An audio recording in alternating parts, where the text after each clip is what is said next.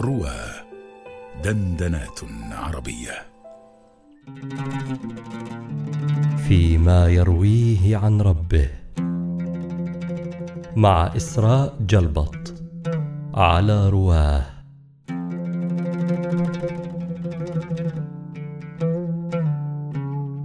عن أبي هريرة رضي الله عنه قال قال رسول الله صلى الله عليه وسلم فيما يرويه عن ربه تبارك وتعالى من عادى لي وليا فقد آذنته بالحرب وما تقرب إلي عبدي بشيء أحب إلي مما افترضت عليه وما يزال عبدي يتقرب إلي بالنوافل حتى أحبه فإذا أحببته كنت سمعه الذي يسمع به وبصره الذي يبصر به ويده التي يبطش بها ورجله التي يمشي بها وإن سألني لأعطينه ولئن استعاذني لأعيذنه.